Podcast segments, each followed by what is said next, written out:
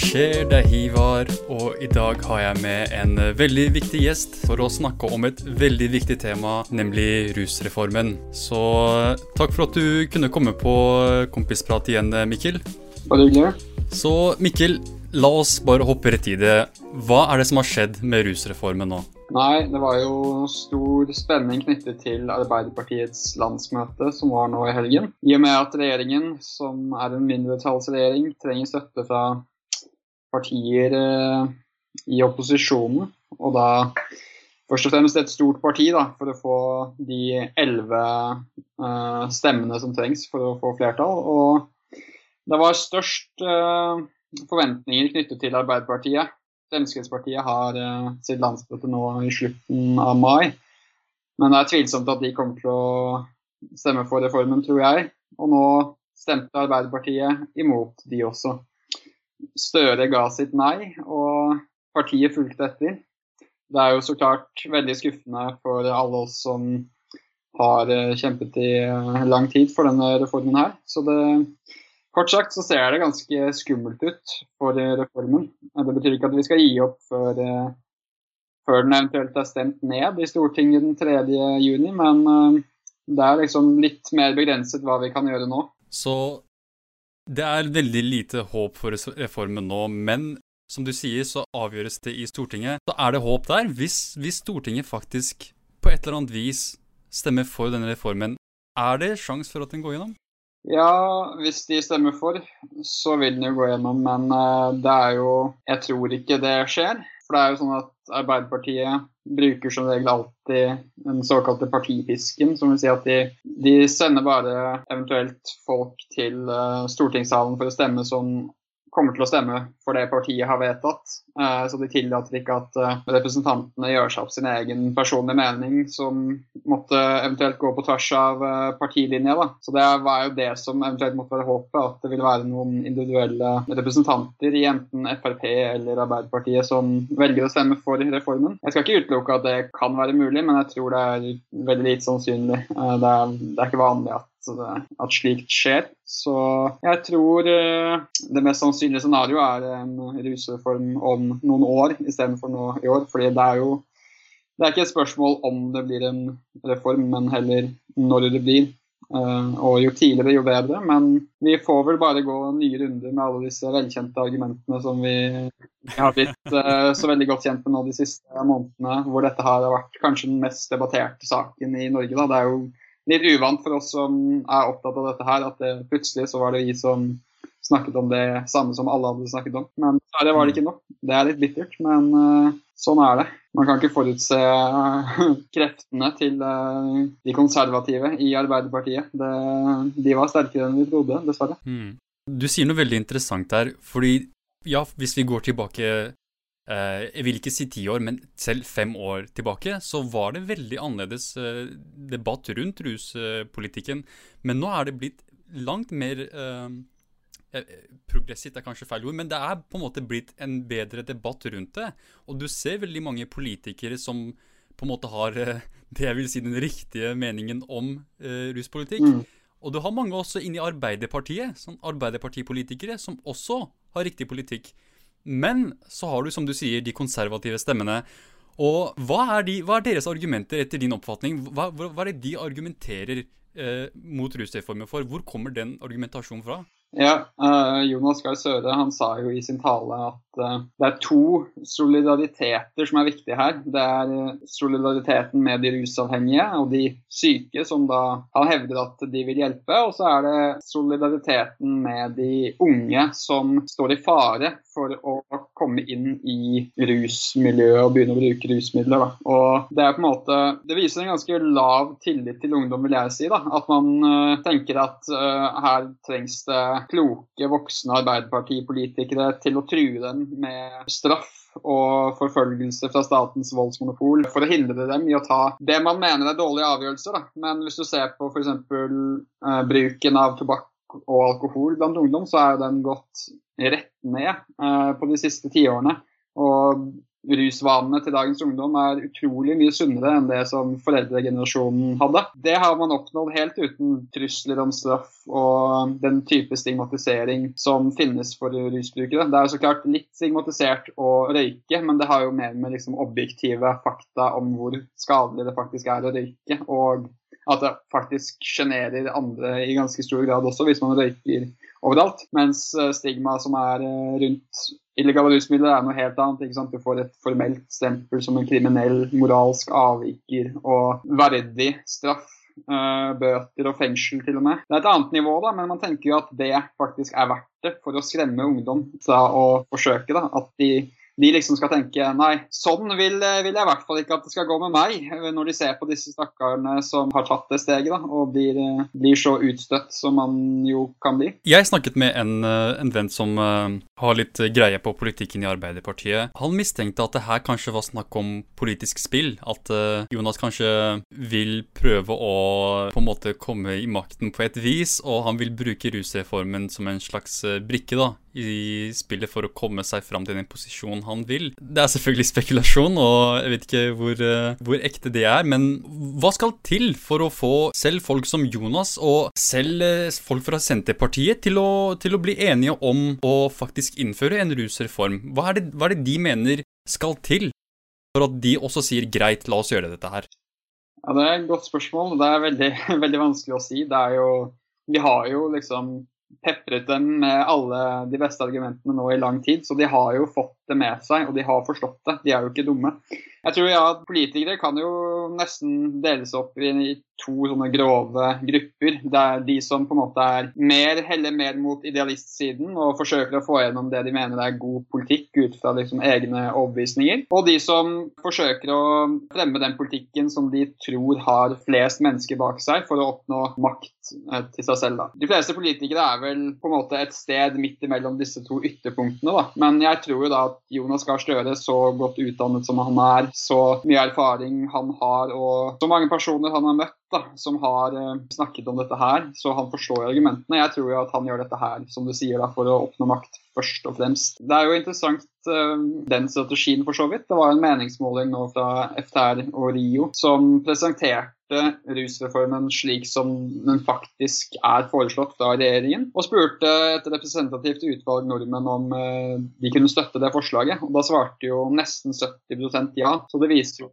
overveldende støtte i befolkningen. Men hvis man får spørsmål stilt på en annen måte, slik som Klassekampen gjorde tidligere, så blir svarene annerledes. Holdningene kan ha endret seg på de månedene også, men eh, jeg tror det har mer med spørsmålsstillingen å gjøre. fordi de spurte, de ga ulike alternativer. De spurte om man var for en avkriminalisering for alle, eller en avkriminalisering for kun de rusavhengige, eller ingenting, da. Da var det mange som svarte at de var for en avkriminalisering kun for de rusavhengige, men det er jo egentlig ikke mulig. Den modellen som Arbeiderpartiet nå foreslår, de sier jo at de vil avkriminalisere kun for de rusavhengige. Og ikke, ikke engang sier de det, de sier faktisk kun for de tungt rusavhengige. Så de går jo egentlig enda lenger tilbake enn det som var tilfellet i deres forrige partiprogram. Det er ganske urovekkende at de fortsatt vil straffe rusavhengige så lenge det ikke er nok ødelagt av rusen. Da. Man kan se for seg at hvis de ligger nede i grøften med en sprøyte i armen uh, uten tenner, mm. da er det kanskje verdig å få hjelp. Da. Mens uh, en ungdom som er på vei inn i rusavhengigheten, kanskje røyker cannabis hver eneste dag, begynte å bruke litt andre stoffer, de er ikke verdige hjelp. Da, så de skal fortsatt straffes. Det er en veldig rett og slett grotesk måte å snakke om mennesker med problemer på, spør du meg. da. Men jeg tenker jo at det blir, det blir mye, mye gjentaging av det vi har vært gjennom. og i det siste. Eh, så hvis man ser på meningsmålingene, så ser det ut som at eh, den rød-grønne siden har flertall og kanskje kommer til å vinne valget til høsten, men det er jo langt fra sikkert. ikke sant? Kanskje til og med denne rusreformen kan bidra til å snu det bildet. Hvis støtten er såpass stor uh, i befolkningen, og hvis det er en såpass stor andel av de som støtter en rusreform, som syns det er en viktig nok sak til at de kanskje bytter parti, så kanskje, kanskje det Erna Solbergs regjering vil fortsette. Da kan man tenke seg at uh, det kan bli rom for en reform likevel, uh, bare litt senere. Men hvis den rød-grønne siden vinner, så må må vi jo forsøke å overtale Arbeiderpartiet og Senterpartiet, da. Men det, det ser jo ikke lovende ut uh, på kort sikt. Vi kan også begynne å fokusere mer på legalisering og regulering av rusmidler. Hvor på en måte nå Nå har de senket rusreformen, mest sannsynlig. Så da, da er det ikke noe vits i for oss å utelukkende fokusere på den. Uh, hvis man ser på hvor langt vi har kommet med å overbevise befolkningen om avkriminalisering, så vil jeg tro at en ganske stor andel av dem også er åpne for argumenter om legalisering. Det er jo bare å se på liksom, utviklingen i resten av verden. Stadig flere amerikanske delstater, nå sist New York, ikke sant? en av de største byene i hele verden, legaliserte cannabis. Canada har hatt veldig gode erfaringer med det. Det er et land som ligner Norge, ikke sant. Eh, jeg tror det er gode muligheter der også, nesten at til og med en legalisering av cannabis kan komme nesten fortere enn en rusreform hvis uh, rusreformen fortsetter å bli utsatt og det ikke kommer noe støtte til den. Jeg så noe interessant på Twitter i går. Lytterne kjenner kanskje til Jon Helgheim, uh, Fremskrittspartipolitikeren, som er Han er jo kjent for å være ganske anti-innvandring. Det er først og fremst det han prater om. Men han fikk spørsmål, eller han la ut en tweet om rusreformen, da, hvor han var imot avkriminalisering. Og så var det en som kommenterte hvorfor avkriminalisering var bra. Jeg husker ikke akkurat hvilke argumenter det var. Men Helgheim svarte da at jo, men det du sier her, det er jo egentlig argumenter for en legalisering. Og det ville vært positivt, fordi da får man eh, bruken inn i kontrollerte rammer, og man får skatteinntekter osv. Men han var imot en avkriminalisering uten legalisering fordi at han mente bruken ville øke, og da ville inntektene til kriminelle gjenger øke. Og det ville vært eh, negativt. da. Så det er, det er, nok noen stemmer som faktisk er for en legalisering uten å være for kun en avkriminalisering. Og så må man jo regne med den effekten som blir sterkere og sterkere for hvert år som går, da, nemlig at det blir færre eldre, konservative og ofte indoktrinerte slash hjernevaskede personer, mens det blir flere og flere ungdommer som blir, for, blir eldre, får maktposisjoner. Og vi har jo vokst opp med internett hvor vi faktisk kan søke oss fram til sannheten selv da, om dette temaet, i motsetning til å bare tro på det som eh, lærere eller eh, andre myndighetspersoner forteller oss. Eh, politiet, ikke minst, forteller oss i løpet av de tidlige årene hvor på en måte de fleste oppfatninger og synspunkter formes, sånn som har vært tilfellet med foreldregenerasjonen vår. Så det er bare et spørsmål om tid før vi får muligheten til å prøve mer progressive og humane innretninger i ruspolitikken. Ja, jeg har, eh, jeg har, lenge hørt det argumentet det at eh, vi må vente til de eldre kommer seg ut av maktposisjoner før vi kan gjøre en endring. Men det var faktisk dette jeg taklet i masteroppgaven min, om hvorvidt det er politikerne eller media som har mest innflytelse på hva slags holdninger som blir formet eh, når det kommer til rusmidler. Mm. Og det jeg fant ut, er at i, i gamle dager, kanskje på 90-tallet, ja, da var det stort sett politikerne. De hadde et visst syn på rusmidler, og mediene gjentok det perspektivet i sitt innhold. Mm. Men i, i, 2018, som er andre, den andre perioden jeg så på, så er det helt motsatt. Der har vi politikere, bl.a. Venstre og SV og Høyre, som foreslår en rusreform. Samtidig så har du mediene som er veldig nedlatende overfor folk som på en måte argumenterer for en form for eh, liberaliseringen av uh, ruspolitikken i Norge. Så etter min mening så, så er det ikke politikerne vi, vi, bør være mest bekymret over. Ja, det er de som på en måte tar avgjørelsene, men det er mediene som påvirker vanlige folks holdning. Det er de som påvirker innbyggernes holdning, og det er de vi bør være ekstra skeptiske til og forsiktige med. Så så hvis jeg skulle foreslå noe for eh, alle aktivister der ute, er å skrive debattinnlegg. Delta i debatten så mye som mulig, fordi journalistene i seg selv er veldig konservative fortsatt.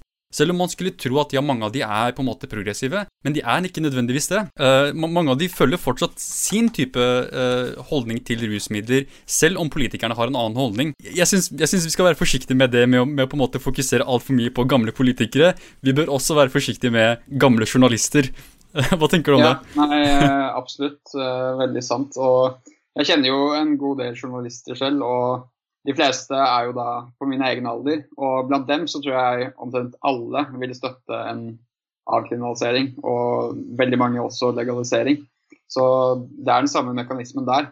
Og når det gjelder eh, mediene, så er det jo nå den siste tiden så har det blitt et veldig tydelig skille da, mellom um, på den ene siden de som har vært veldig upresise og uh, ofte villedende, egentlig, og av og til også direkte imot rusreformen. Og det er jo sånn medier som Klassekampen, VG, eh, Dagens Næringsliv, dessverre. De hadde jo først en støtte tidligere, og så byttet de standpunkt. Veldig merkelig. Og NRK, ikke minst, er jo veldig skuffende. De har ikke tatt noe redaksjonelt standpunkt, det kan de jo ikke gjøre. men de har, vært, de har, gitt veldig mye oppmerksomhet til motstanderne av reformen og unngått å stille kritiske spørsmål. Veldig skuffende fra dem. Men så har du medier på den andre siden som eh, Dagbladet, som har vært en langvarig støttespiller egentlig for reformsiden. Aftenposten har tatt en veldig tydelig rolle nå, hvor de har gått ut på lederplass flere ganger og kritisert politiet og gitt støtte til reformen og hatt mange kommentarer fra de interne kommentatorene der. TV 2 har vært flinke, syns jeg. De har hatt noen bra nyhetssendinger. og de har vært i både òg, men de har jo veldig mye forskjellig. De har jo f.eks. et program som heter 'Norge bak fasaden', som har hatt to veldig gode episoder om ruspolitikk. Eller ikke nødvendigvis politikk, da, men liksom russituasjonen i samfunnet med ungdommer og straff og rusmidler som medisin og den type temaer. Da. Så det er, eh, det er mange flinke journalister som gjør mye, og så er det noen gamle dinosaurer der også som dessverre det er jo sånn at uh, alder korrelerer jo med makt. ikke sant? Man får jo ofte maktposisjoner når man blir litt eldre, så det er jo, det er jo mm. sånn det er. Men vi må bare ha tålmodighet. Eh, en ting jeg har merket som er en sånn eh, telltale sign, som kan på en måte avsløre hvor en journalist eh, står i denne debatten, er hva slags begreper de bruker.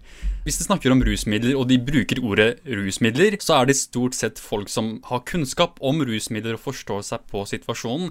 Men hvis de kun bruker begrepet narkotika, så er det, så er det stor sannsynlighet for at de er svært konservative. Fordi det begrepet det er, det er et veldig gammelt begrep, og det beskriver egentlig ikke eh, rusmidler til den grad som begrepet begrepet rusmidler, eller ulovlige rusmidler, gjør. da. Det er jo et stort sett et juridisk begrep, og jeg, jeg tenker vi bør holde det der. sånn Hold det til når, når, vi snakker om loven. La oss ikke adaptere den type begreper når vi snakker om rusmidler i mediene eller i sosiale kontekster generelt. Men uh, hva med deg, Mikkel? Ha, har du noen tips til folk der ute som vil delta i debatten? Hva er ting som de bør ta hensyn til hvis de skal delta i debatten? Ja, Godt spørsmål. Det jeg tror vi har kommet veldig langt bare egentlig det siste halve året, hvor det før var sånn at uh, når man snakket om disse tingene, så sto man i fare for å bli satt i bås med liksom folk som bare ville ha hasjen sin i fred, liksom som liberalister og uh, Litt sånn før, så hvis man argumenterte for at homofile burde få lov til å leve fritt, så ble man mistenkt for å være homofil selv. og uh, så klart er det jo en overlapp mellom folk som uh, har en personlig interesse og dem som bryr seg mye, men det er absolutt ikke én til én. Det er mange personer i rusreformbevegelsen som ikke bruker noe med rusmidler selv. Så jeg tror én ting kan være å rett og slett egentlig ikke være redd for de merkelappene, selv om det kan være ubehagelig. Så å protestere da, når man får det. Uh, fordi at Det var et interessant punkt som ble tatt opp nå på Twitter. At uh, det har blitt klagd på tonen i debatten. At på en måte rusreformaktivister kan være ganske harde. Uh, Jaså, ja. Mens det er jo veldig paradoksalt, fordi motstanderne er jo nettopp dem som argumenterer for å sende politiet, statens voldsmonopol, etter store deler av sine motstandere. Det å gi noen merkelappen rusaktivist er jo nesten å sette et slags stempel for dette er en person som er av interesse for politiet, ikke sant. Uh, så det er, det er, veldig, um, Hvis man skal snakke om hard tone i debatten, så er jo det er jo nettopp det som skaper harde fronter. Men uh, det ser man bort ifra da, hvis man stikker hodet i sanden. Akkurat som man stikker hodet i sanden og nekter å se på den forskningen som ikke finner noen sammenheng mellom avkriminalisering og økt bruk. Så jeg tror det er noe man bør tenke på. Ikke, ikke la seg uh, underkue av den type hersketeknikker. da. Vær saklig hele tiden, og ikke fall ned på deres nivå heller. Selv om det er personlig for mange, selv om det er frustrerende at motstanderne bruker skitne triks og nekter å høre på konkrete faktaopplysninger, så forsøk alltid å være saklig og vite at du har historien, du har eh, faktagrunnlaget og du har det moralske fundamentet på din side. Da. Det er veldig interessant at du sier det, fordi ja, min filosofi rundt denne rusdebatten er at vi som er på den liberaliseringssiden, er veldig, veldig snille. Vi er ikke aggressive nok, etter min mening. Vi bør være langt mer aggressive Men det er, eh, det er mitt syn på det. Så, du har helt rett. Sånn, jeg tror folk bør høre på deg her når det kommer til hvordan man skal delta i debatten. Fordi man skal være mer saklig, man skal være respektabel. Men det siste du, du sa der, sånn det med at vi har historien på vår side, vi har faktaen på vår side, det er sant. Men hvordan skal man håndtere folk som nekter å se faktaen? Uh, for jeg skrev nylig en artikkel om rusreformens rasistiske røtter. Mm. Og det var folk som nektet for det. Sånn, nei, nei, nei, du har ikke noe bevis for det.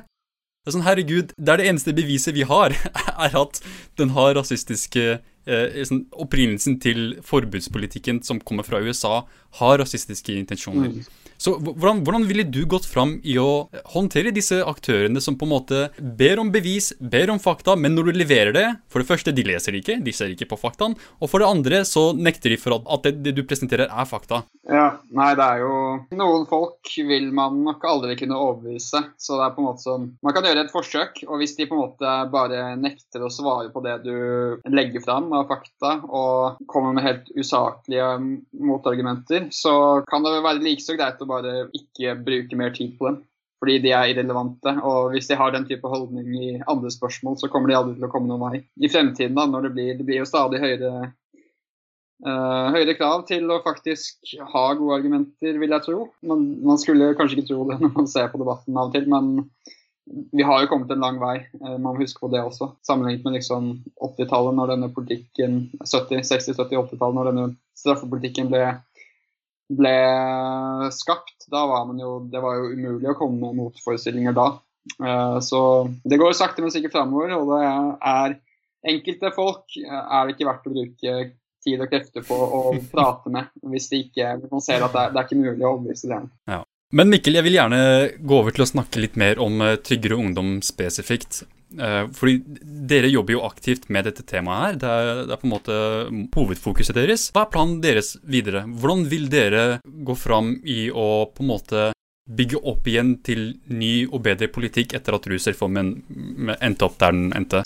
Ja, Nei, Vi holder nå på å vedta et politisk program, faktisk, uh, i disse dager. Jeg skal ikke avsløre for mye fra det før det er vedtatt, men uh, da får vi på en måte en, en sånn tydelig fundament for hva vi mener. Da. Så det, Der kan vi jobbe, begynne å jobbe ut fra det. Jobbe mer målrettet for ikke bare en avkriminalisering, men også begynne å åpne samtalen om regulering av rusmidler, som jeg var inne på. Og så har vi nå satt i gang våre egne prosjekter. Vårt mål er jo å reformere samfunnets eh, innstilling til hvordan forebygging av rusbruk og rusproblemer eh, er. Og det vi har begynt på nå, er eh, to prosjekter. Et prosjekt for å lage en norsk versjon av en kampanje for FNs standarder for forebygging, som er på en måte den type forebyggingstiltak som faktisk har vist effekt i forskning, da, i motsetning til straff. Og så mm. er det et videoprosjekt som tar for seg skadeforebyggende råd om bruk av ulike rusmidler. Det er jo den type forebygging som ikke staten helt tør å drive med. fordi det er jo sånn, Også de på motstandersiden kan ha noen gode poenger. ikke sant? De kan snakke om at ja, man må fange opp unge tidlig, man må motvirke barnefattigdom, man må uh, styrke barnevernet og alt det her. og det er jo, Vi er også veldig for det. Samtidig, det som de gjør når, de, uh, når det er snakk om de som allerede har begynt å bruke rusmidler, eller uansett kommer til å begynne å bruke det fordi at de har en, den type personlighet og nysgjerrighet, da, da lukker de øynene og sier at nei, nei, det, de, de, får politiet ta seg av. ikke sant? Mens vi mener at man samtidig må huske på at de personene trenger gode, faglig funderte råd for hvordan de kan unngå skade og ulykker. Den informasjonen finnes ikke så veldig lett tilgjengelig der ute. Du kan på en måte gå på Helsedirektoratets sider og så kan du lære om eh, cannabis, hva slags skadevirkninger cannabis kan ha, hva det er og hva slags effekter det har. Men konkrete råd for hva man skal huske på hvis man vil bruke cannabis, hvordan man skal unngå få skader på kropp eller få veldig ubehagelige opplevelser, eh, hvem som skal unngå å ta cannabis uh, og den type råd, de er ikke like lett tilgjengelige. Så, sånne type prosjekter er det vi skal satse på, eller satse på nå i år, og håper å få videreført også. Fordi det er et stort behov for mer, mer nøktern og faktabasert opplysning også til uh, den delen, den store andelen nordmenn som faktisk har brukt eller bruker illegale rusmidler. Absolutt. Det prosjektet der støtter jeg 100 Jeg kan selv huske eh, fra min erfaring på ungdomsskolen var at vi fikk veldig god informasjon om hvordan man skal bruke alkohol. hva som skjer hvis man bruker for mye, hvordan man skal håndtere det, hvordan man skal ta vare på vennene sine. Kjempegod informasjon. Men når det kom til alle andre typer ulovlige rusmidler, ingenting. Det eneste vi fikk vite, er hva det gjør med deg, og det var stort sett de negative aspektene, så det var egentlig litt vanskelig å tenke seg hvorfor bruker folk rusmidler i det hele tatt. Det tenkte vi aldri på, for det var, sånn, det var bare negative. Å, du blir sløv, og du blir dum, og du, du mister hukommelsen. Det var sånn, herregud, hvem vil bruke disse rusmidlene? Det var åpenbart ikke ordentlig informasjon. Det var ikke voksen måte å snakke om rusmidler på. Det er en grunn til at folk bruker rusmidler, og spesielt ungdom. Det er en veldig god grunn til at ungdom bruker rusmidler. Man kritiserer de for at ah, de vil bare ha det gøy og kose seg. Kanskje ja, noen, men det, det, betyr ikke at alle som gjør det, gjør det av den grunnen. Mange av de sliter. Mange av de har det vanskelig. Og den eneste måten de kan på en måte håndtere sin livssituasjon, er gjennom rusmidler. Og de ungdommene de skal man ta vare på på en voksen måte. Så jeg støtter det prosjektet 100% Men er du ikke redd for hva, hva motstanderne vil si? Sånn herregud, tryggere ungdom driver og oppfordrer barn til å ta rusmidler. Um, det kan tenkes at det vil komme noen sånne reaksjoner, men jeg er egentlig ikke så veldig redd for det. Eh, vi har med oss eh, legestudentenes rusopplysning på laget, eh, så vi vil ha på en måte trygg faglig støtte og forsøke å gjøre videoene så saklige og nøkterne som mulig. Da. Så vi forsøker å unngå den type tilbakemeldinger, men man kan jo ikke forvente å unngå alle mulige kritikk.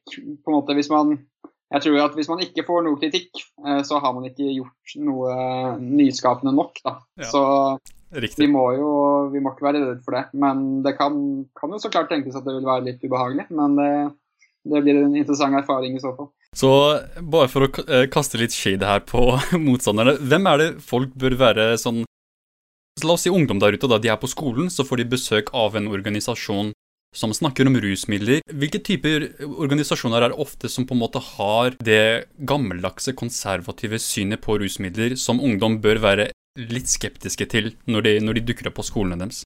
Ja, det mest åpenbare eksempelet er jo politiet.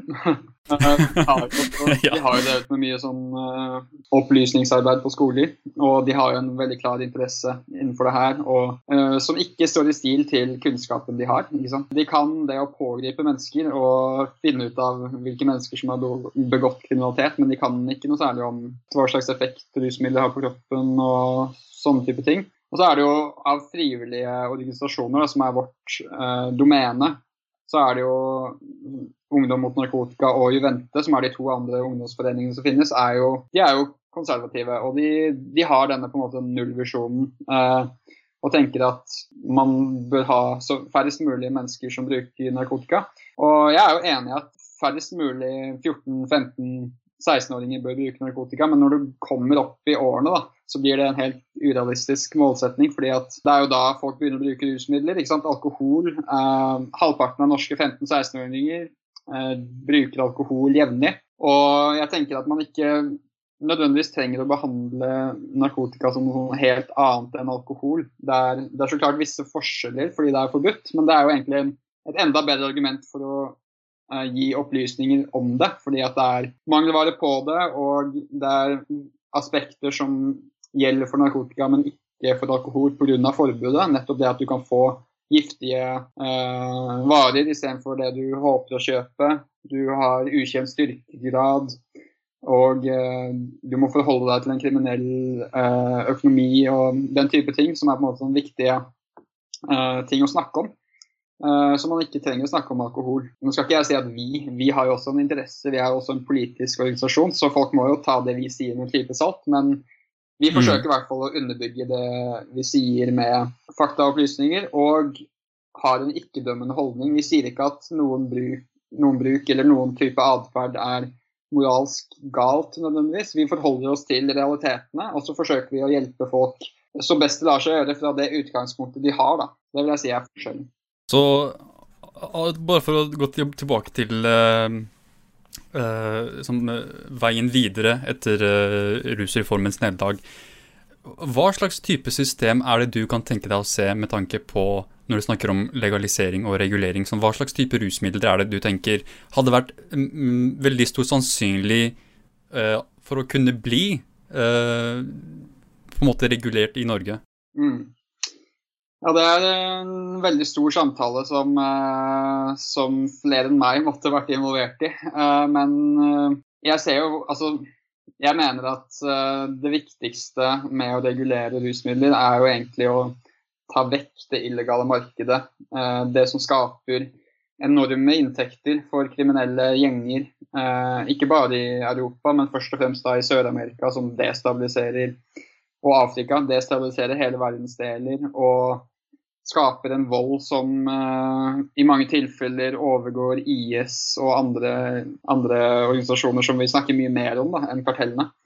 Og for å ta vekk det markedet, så kommer man ikke utenom stoffer som kokain og heroin også. Men det er jo ikke tvil om at de stoffene bør reguleres mye strengere enn f.eks. cannabis. da. Så jeg, jeg, tror at man må man kan ikke tenke at nå skal vi legalisere cannabis, og så stopper det der. Men det kan jo være et realistisk første steg, selv om jeg mener at man ikke burde nødvendigvis legalisere cannabis alene først. Men det handler jo om eh, pragmatiske hensyn også. Hva er det som er mulig å overbevise befolkningen om? Kanskje først og fremst cannabis i første omgang, da. Men eh, eh mm. man kan ikke regulere cannabis og kokain på samme måte. Cannabis burde jo i og med at det er såpass mye mindre skadelig enn alkohol, så burde jo det være lettere tilgjengelig enn alkohol, tenker jeg. Mens kokain, som er mer sammenlignbart med alkohol, og kanskje enda mer avhengighetsskapende også, fordi at hvis du drikker på jobb, da, så presterer du ganske dårligere. Men hvis du bruker kokain på jobb, så kan du faktisk prestere enda bedre. Så det blir, sånn, det blir lettere å bli avhengig av kokain, egentlig. Så det må man være veldig forsiktig med å bare Eh, legalisere uten videre. Men det er jo mange ulike virkemidler man kan bruke. Man kan ha kvoter på hvor mye man kan kjøpe, man kan sette prisen høyt. Det er noe vi har snakket litt om i FTR, da, som er jo uh, moderorganisasjonen til Ungdom. Da har vi snakket om et slags uh, kvotesystem etter modell fra Norsk Tipping, hvor du setter din egen kvote hver måned, og så kan du ikke endre det før måneden er over. Og eh, hvis man har en uh, veldig høy kvote, så blir prisen dyrere. Så man har et insentiv til å ha en lav kvote og ha et så lavt forbruk som uh, mulig, da, for å få stoffet billigere også. Så Det er på en måte mange sånne mekanismer man kan gjøre for å ha en smart regulering av rusmidler, som man uh, åpenbart ikke har muligheten til å gjøre nå som alt er forbudt. Nå er det jo nå er det jo folk som mm. går ut på gata og prøver å pushe kokain på folk. ikke sant? Identifisere usikker ungdom og tenke ja, den, den personen kan jeg selge til. Den personen vil bruke, og så setter man dem i gjeld. Og så har man noe på dem og så truer dem til å begynne å selge for seg. og Det er, det er helt Ville Vesten ikke sant, i det illegale markedet. Mm. Så Det er den type mekanismer man må forsøke å få bort. Det er ikke først og fremst å gjøre stoffer mer tilgjengelige man ønsker, Eh, I hvert fall ikke med disse eh, såkalt harde stoffene, eller de som er mest skadelige. Eh, ikke at de nødvendigvis trenger å være så voldsomt skadelige hvis man bruker dem riktig og i lave doser heller. Men det finnes jo stoffer som er mindre skadelige objektivt sett, sånn som psykedeliske rusmidler og og cannabis, først og fremst. Da. Som etter min mening det ikke ville vært eh, negativt om en større andel av befolkningen fikk erfaring med, da, når man ser på eh, den type positive virkninger det kan ha for folk, med tanke på angst, depresjon. Så det, det tror jeg eh, kan være en god ting å få den type stoffer regulert, men også en streng regulering der, fordi det er, det er langt ifra noe leketøy, og det kan absolutt ha negative effekter, det også, hvis man ikke vet hva man gjør. Så det måtte vært en veldig streng regulering, og kanskje man måtte gått gjennom et kurs på forhånd. Uh, og mm. blitt uh, screenet av en psykolog eller lege for å se at man ikke har den type psykologiske profil som øker sjansen for at man utvikler en psykose eller får veldig negative effekter av uh, en psykedelisk opplevelse. Apropos denne kampen for legalisering. Kan du bare kjapt uh, oppsummere det du mener er det svakeste argumentet som uh, på en måte vår side har, og samtidig det sterkeste argumentet motstanderne har? Uh, nei, det er jo mange som er på en måte veldig liberale, som sier at ja, hvem er staten til å fortelle hva jeg og du skal putte i vår egen kropp? Og selv om jeg, jeg tenker at Ja, ikke sant. Uh, staten bestemmer allerede veldig mye. Uh, så det er på en måte Og folk flest tenker at det er legitimt. Så selv om jeg, og kanskje du også, tenker at ja da, det er et godt argument. Uh, fordi at hvis ikke man har frihet til å bestemme over sin egen bevissthet, hva har man egentlig frihet over? Svaret er jo egentlig ikke så mye, men folk flest aksepterer det. da. Det er på en måte mm. det, er det systemet vi lever under. og jeg tror mange kan oppleve det som litt ubehagelig også, å bli minnet på liksom uh, blir sagt at du er ikke fri sånn som du lever i dag. Det er på en måte Folk liker å tenke at de har kontroll over Eh, situasjonen sin mest mulig. Da. Så jeg tenker at det er, Uansett hvor sant det måtte være, så er det et lite effektivt argument. Og Når det gjelder det sterkeste argumentet til motstanderne, så er det nok det at bruk kan øke uh, når det blir legalisert, og at skader også da kan øke som følge av det. Og det skal man ikke utelukke. Men jeg bare tror at skadene som eksisterer av forbudet, er så enorme at det vil være, det vil være en promille i, for, i forhold til de eventuelle skadene som kommer av økt bruk. Nettopp. Ja, det er, det er helt enig i. Uh, veldig godt oppsummert. Så før vi avslutter her, eh, Mikkel, uh, hvor kan folk få tak i Tryggere ungdom? Hvor kan folk støtte dere, og hvordan kan de støtte dere? Nei, Det viktigste man kan gjøre, er å melde seg inn. Det koster bare 50 kroner i året. og Det kan man gjøre på tryggereungdom.no. og Der finner man også all informasjon om oss. Og så i sosiale medier, da, på Instagram og Facebook. Først og fremst Instagram, hvor folk uh, følger oss mest. Det er, det er, jo det som er de unges uh, sosiale medier i dag, i tillegg til TikTok, da, hvor vi for så vidt også har en bruker, men mindre aktiv der. Så Instagram er der det skjer mest. Og hjemmesiden, okay. ikke minst, der vi legger ut lengre artikler og, og redegjørelse for hva vi mener og slikt. Så jeg, jeg tenker med, med, tanke på hva som har skjedd med rusreformen, så er det utrolig viktig for alle som, som på en måte er på vår side, å faktisk komme sammen og kjempe for en ordentlig politikk. Det er nå det gjelder. fordi åpenbart så har vi opplevd et utrolig nederlag. Så nå må vi jobbe sammen for å faktisk uh, innføre en politikk som kan være uh, best for oss alle. da. Så tusen takk for alt det arbeidet du gjør uh, med tryggere ruspolitikk, Mikkel. Og ehm, jeg tenker vi kan avslutte der, så takk for at du også var med på denne podkasten. Ja, tusen takk for invitasjonen. Absolutt. Og takk, kjære lytter, for at du var med oss. Og nå litt heftig musikk.